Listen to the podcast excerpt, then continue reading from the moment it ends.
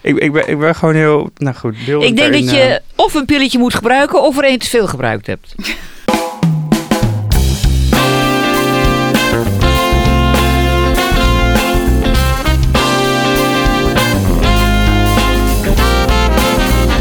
Welkom bij Trace, je plek voor eh, onderzoeksverhalen.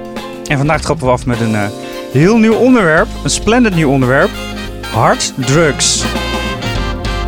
En ook nu eh, vandaag eh, met Clary. Hoi, Hi. hoe is het? Heel goed. Ja, dat ja, is fijn. zonder pilletjes, zonder niks. Zonder Helemaal niks. heerlijk. Je kunt het gewoon met, Uit met mezelf, cafeïne uit wel, hè? mezelf. Met cafeïne hier wel. Eh, ik heb één kopje koffie op, maar ik ben nu aan het water. Wat gezond. Eh, jij doet eh, deze cyclus met ons mee, maar ook onze luisteraars, die kunnen ook weer eh, meedoen met ons onderzoek, ervaringen wisselen en ons op een onderzoeksspoor zetten. En voordat we echt aftrappen, even een huishoudelijke mededeling voor de mensen die hun app niet updaten. Doe dat wel via de Google Play Store of de App Store, want zodoende kun je nieuwe futures... Features. Features. Features. Features, Nieuwe darling. opties. ik, ik, ik hou het gewoon in het Nederlands. Red de Nederlandse taal. Nieuwe opties in de app zien. Binnenkort kun je bijvoorbeeld zien of je fragmenten hebt beluisterd of onbeluisterd. En de bug die ervoor zorgde dat de app trager ging, die is er nu uit. Dus erg handig als je je app update. Allemaal beter nu dus. Tot zover de huishoudelijke mededelingen. Over naar, eh, naar drugs. Ik kijk om me heen. Maaike, Ja. heb jij wel eens drugs gebruikt? Nee. Niks. Drugs in het algemeen of harddrugs of softdrugs of überhaupt? Allemaal niet. Softdrugs, Alleen- softdrugs ook niet. Alleen als je alcohol tot drugs rekent. Maar voor de rest niks. Daar worden discussies over gevoerd. Eh, ben je nooit in de verleiding gebracht of geweest Nee. om drugs te gebruiken, Nee. harddrugs? Nee, helemaal niks. Degelijk, hè? Helemaal niks. nou, zijn we snel uitgepraat. Ja. Ik eh, ga nu naar Tessa. Ja, Tessa, ja. heb jij wel eens drugs gebruikt? Ik heb wel eens drugs gebruikt, ja. Zo, Vertel. hoe ging dat? Ik heb één keer, ik heb, ik heb eh, vroeger wel eens gebloot, maar ik heb één keer harddrugs gebruikt. Dat was eh, in een zeer euforische stemming op een feestje met allemaal vrienden. Je was al in een euforische stemming. Ja, dat was ook de fout. nog- Dat is de fout die ik heb gemaakt. Ik was niet dronken, maar ik had wel iets gedronken. En, eh, en toen dacht ik, ja, ik moet het toch misschien maar een keer gaan proberen. Dus toen heb ik een klein stukje van een ecstasy-pil genomen. En wat ik had verwacht, namelijk dat ik het zou compleet zou overanalyseren, is ook gebeurd. Dus ik heb de hele avond alleen maar gedacht, oh, wat zijn mijn pupillen wijd. En eh, ik heb er niet van genoten. Dus het is, het is niet iets voor mij. Nee. Ook heel saai eigenlijk. Een Ja. stukje, was het een kwartje, was het een halfje, was het... Het was een kwartje om mee te beginnen. Ja, daar is het inderdaad ook mee geëindigd. Maar Wolkan, hè? Hoe zit het met jou? En Volkan, hoe zit het met mij? Ja, ik, ik voel me wel een soort van shamaan van, van de redactie als ik ga opnoemen wat ik allemaal heb gebruikt. Ja, wel, wel een aantal drugs. Eh, ja, eh, ecstasy, MDMA, speed, ehm, cocaïne, DMT, Wat? En beviel het? 2CB. Ehm, zijn nog niet klaar, Clary. Oh, Nee. en ik geloof ook nog GHB. Ja, Ik hoor een paar dingen voorbij komen die ik nog nooit gehoord heb. Zoals? Wat is DMT? DMT is, eh, is, is een poeder eh, die je kunt oproken en daar kom je in een droomwereld van. Het is het stofje wat je aanmaakt wanneer je doodgaat en wanneer je geboren wordt. Oh, Wow. klinkt Het is een heftig. soort nabootsing van de dood terwijl je leeft.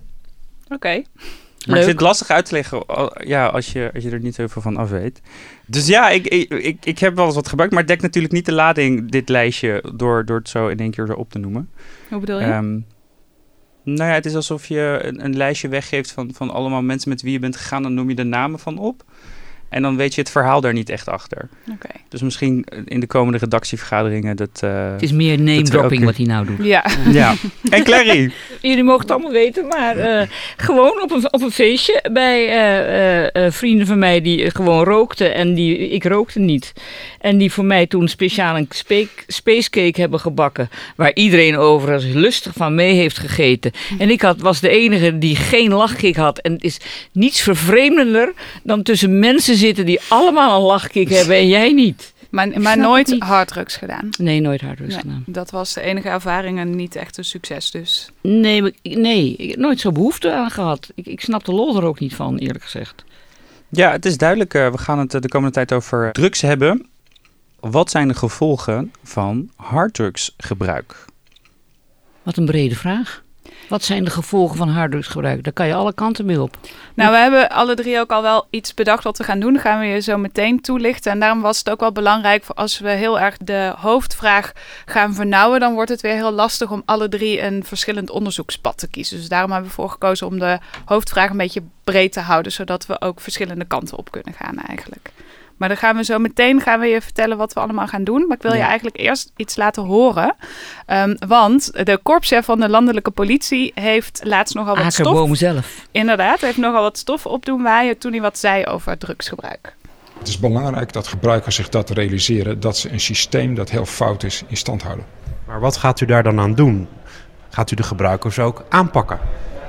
Nou, we gaan vooral eh, de grote criminelen aanpakken. En bij de gebruikers gaat het vooral om dat ze even zich van bewust worden wat het effect is van hun gebruik. Nou, de politie komt dus niet echt achter je aan als je gebruikt, maar je moet wel nadenken over de gevolgen. Ja. Dat is, eh, de, de- je moet nadenken over het systeem erachter. Nee, precies. Het is belangrijk, denk ik. Wat eh, vonden jullie of- trouwens van, van die oproep van Akerboom? Maar ik ben wel benieuwd wat Wolkan ervan vindt, onze, met zijn lijstje net. Nou, Dus ik denk, ik denk ongeacht of een korpschef je oproept om er bewust mee om te gaan, eh, moet je er denk ik altijd bewust mee omgaan. Maar het is lastig om, als je het gebruikt, ook tegelijkertijd na te denken, oh, hiermee faciliteer ik criminaliteit. Ik denk dat dat voor heel veel andere dingen net zo goed geldt. Bijvoorbeeld? Nou, je kledingindustrie, eh, Kinderarbeid. je kinderarbeid Ja, dan. Ja, ik bedoel, ja, het is, ja. Als, je- als je daarmee aan de slag gaat, dan, dan moet je met heel veel dingen aan de slag. Ja, Ik vond het wel opvallend dat hij dit zei, omdat het een beetje was alsof hij het afschoof op de gebruiker van jullie moeten verantwoordelijkheid nemen, terwijl hij de politie is en er op zichzelf iets tegen moet doen. Dus dat is wel een beetje de vraag in hoeverre de politie daar dan wel goed genoeg bovenop zit. Nou, dat weet ik niet. Ik denk dat het meer bedoeld was inderdaad om een soort eh, bewustwording Ja. eh, teweeg te brengen. En het feit dat wij er hier nu nog over praten, terwijl het toch al toch behoorlijk een tijdje geleden Ja. is, is misschien ook wel een goed effect. En het gaat Ja. natuurlijk om ehm, best wel veel mensen aan wie die die oproep doet. 7,7% van de Nederlanders heeft ooit wel een keer ecstasy gebruikt. En daarmee is ecstasy de meest populairste drugs eh, die in Nederland wordt gebruikt. Ja, Tessa. daar horen wij bij, want ik heb het ook ooit één keer gebruikt. En ja. om het in Europese context te plaatsen, Nederland is ook echt koploper als het gaat om het gebruik van ecstasy. Niet staan- alleen gebruiken, ook produceren volgens mij. Precies, produceren ook Nederland en België produceren allebei heel veel MDMA. Dat is de grondstof, zeg maar, of eigenlijk het stofje in ecstasy, waar je dat eu- euforische gevoel van krijgt en energie om door te gaan dansen of, of niet, zoals bij mij het geval was. Maar ja, we, we gebruiken veel, maar we produceren ook veel. Ja, nee, dat zijn de, de feiten, de cijfers. Eh, maar we zijn ook heel erg benieuwd eh, wat voor eh, mogelijke type drugsgebruiker de Trace luisteraar is. En daar hebben we een testje voor, die staat klaar in de app. Eh, en die kun je op het einde invullen. Heb je een testje voor nodig? Weet je niet zelf als je drugs gebruikt wat voor type drugsgebruiker je bent? Het is een heel leuk testje, Clary. Je moet hem ook even doen. vragen Oké, waar... Het is een leuk ik zal hem testje we- ook... Oké, We krijgen een beetje een beeld hoe onze Trace-luisteraars zich eh, tot dit onderwerp verhouden. En eh, tot welk onderwerp ga jij je verhouden de komende tijd? Ja? Ik had eigenlijk twee onderzoekssporen uitgezet. Want ik, je moet altijd eh, breed uitzetten, omdat er altijd weer dingen afvallen. Mijn eerste spoor was de Zuidas, ook wel bekend als de snuifas. En daar gaan allerlei wilde verhalen over. Die doen daar de ronde dat er veel cocaïne wordt gebruikt. En ik dacht, ik ben toch wel benieuwd, is het nou echt waar? Klopt die mythe? Ehm, dus ik heb met onze researcher Michelle hebben wij eh, ontzettend veel advocaten en eh, makelaars en bankiers gebeld met de vraag of die mythe nou echt klopt. En we zijn vorige week nog samen naar de Zuidas geweest om daar te gaan borrelen met die bankiers en advocaten en makelaars. Wat vrij hilarisch was, want we kwamen uit Amsterdam Zuidstation. En we dachten, nou goed even kijken, waar moeten we nou heen? Waar is de Blauwe Engel? Dat is de beruchte kroeg daar. Waren jullie Ehm, een beetje op gekleed ook? Nou, we vielen behoorlijk uit de toon, want we hadden geen pak aan. Want inderdaad, we liepen uit het station en wat zagen we? Echt een groep, ik denk van 40 mensen in pak. Eh, mannen mannen voornamelijk, maar ook echt vrouwen. in mantelpak. In mantelpak Ach. of mooie jurkjes. Eh, en dat was inderdaad recht voor de Blauwe Engel. En we hebben daar gesproken met allerlei mensen en iedereen ontkende eigen gebruik, maar zei wel van ja, nou, die mythe, dat ergens klopt het wel, maar we zijn dus eigenlijk geen steek verder gekomen. Dus ben ik doorgaan met plan 2. En, eh, Jij laat je ook snel ontmoedigen, zeg. Nou ja, ik ben er, een, eh, ben er een week mee bezig geweest. En ik, ik ga deze keer één verhaal maken, want ik ga volgende week op vakantie. Ja, dat is Dus waar. ik heb en een wat is klein plan B? Plan B. Plan B is, wat best veel in het nieuws is geweest, is dat ecstasypillen steeds sterker worden in Nederland. Ik had er net al over, MDMA is het werkzame stofje in ecstasypillen. Daar krijg je dat, eh, dat fijne gevoel van. Maar boven een bepaald percentage werkt dat eigenlijk niet extra goed. Maar die pillen worden wel steeds sterker. En zo sterk zelfs dat als je nu in één keer een pil in je mond zou stoppen, dan zou je vooral de negatieve effecten of bijwerkingen ervan krijgen. Namelijk een beetje lijp worden en een hoekje zitten knarstanden.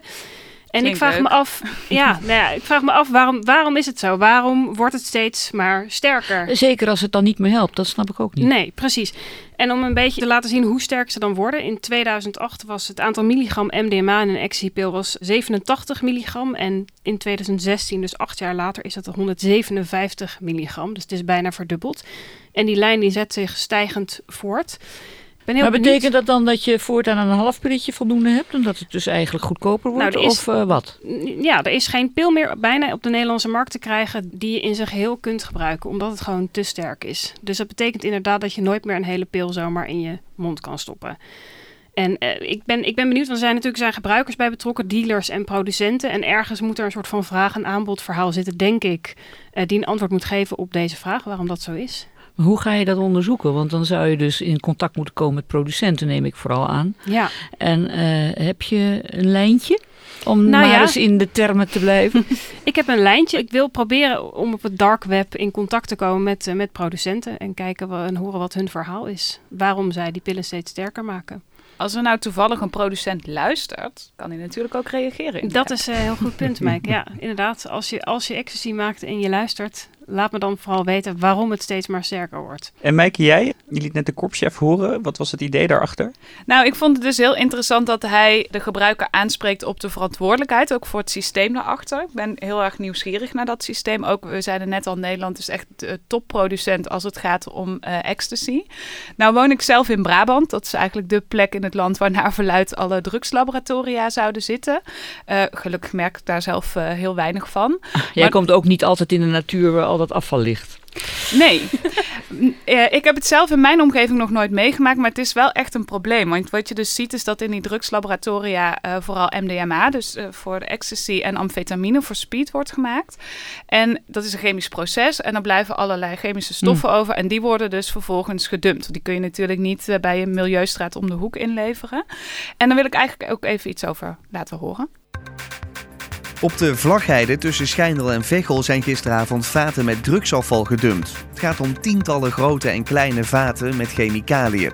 Een gespecialiseerd bedrijf heeft de vaten in de loop van de nacht opgeruimd. Ja, zelfs voor Brabantse begrippen zijn de afgelopen dagen uitzonderlijk eh, vaak vaten met drugsafval gedumpt.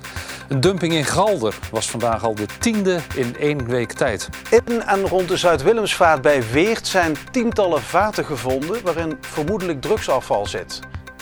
Nou, dit was allemaal in één week, eind Mhm. april. Festivaltijd, hè? Eh, nou ja, ik, ik heb verder gekeken. Er waren heel veel periodes in het jaar, ook aan het einde van het jaar, wanneer er helemaal geen festivals zijn of weinig festivals, dat het ook gebeurt.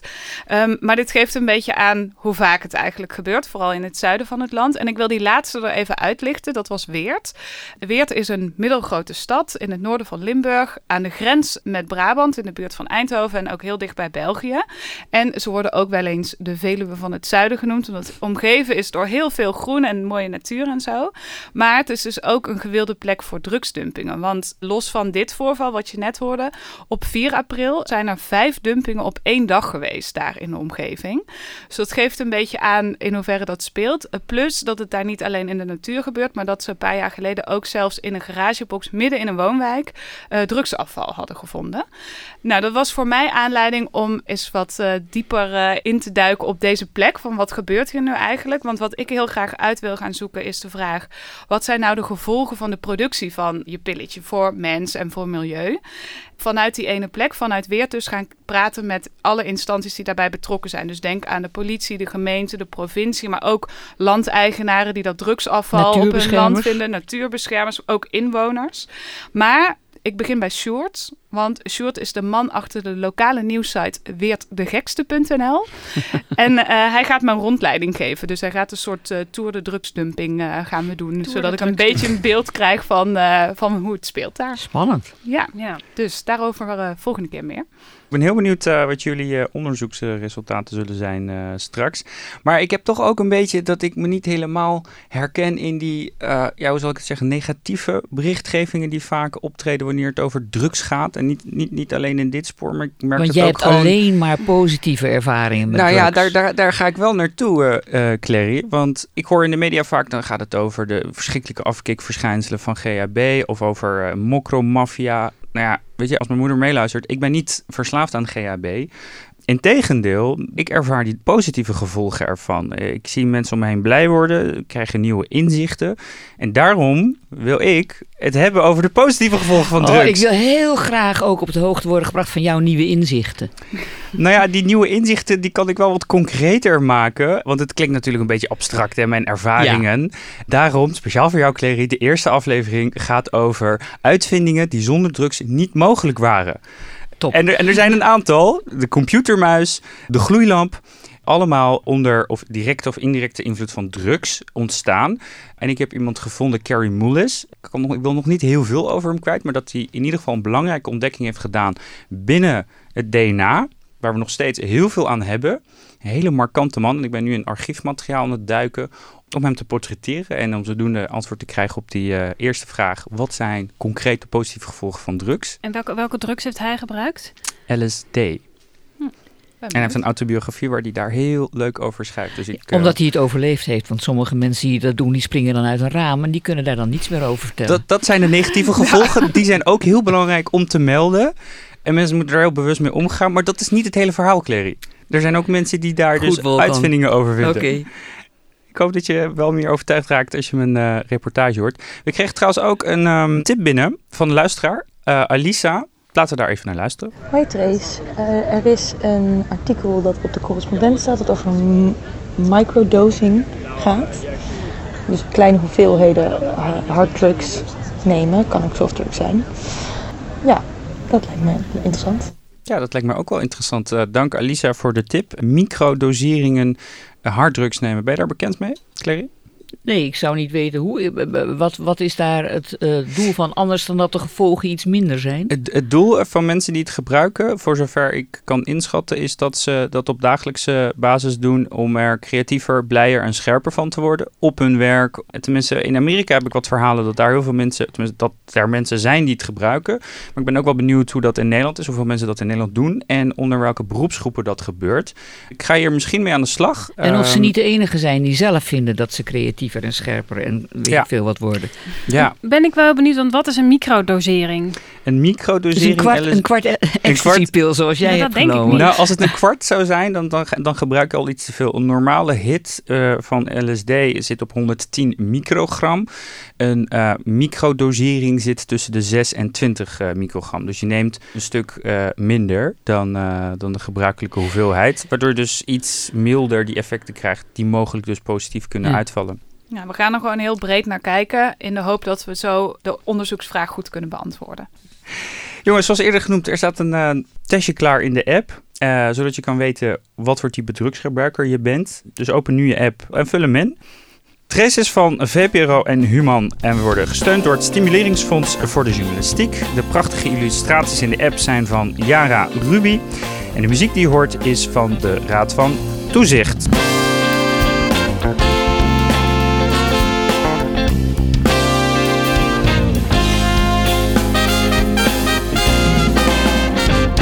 En een shout-out deze week gaat naar Nina Ramki Soen, onze topstagiair, de pindakaaskoningin die het aardbeienvrouwtje heeft gevonden.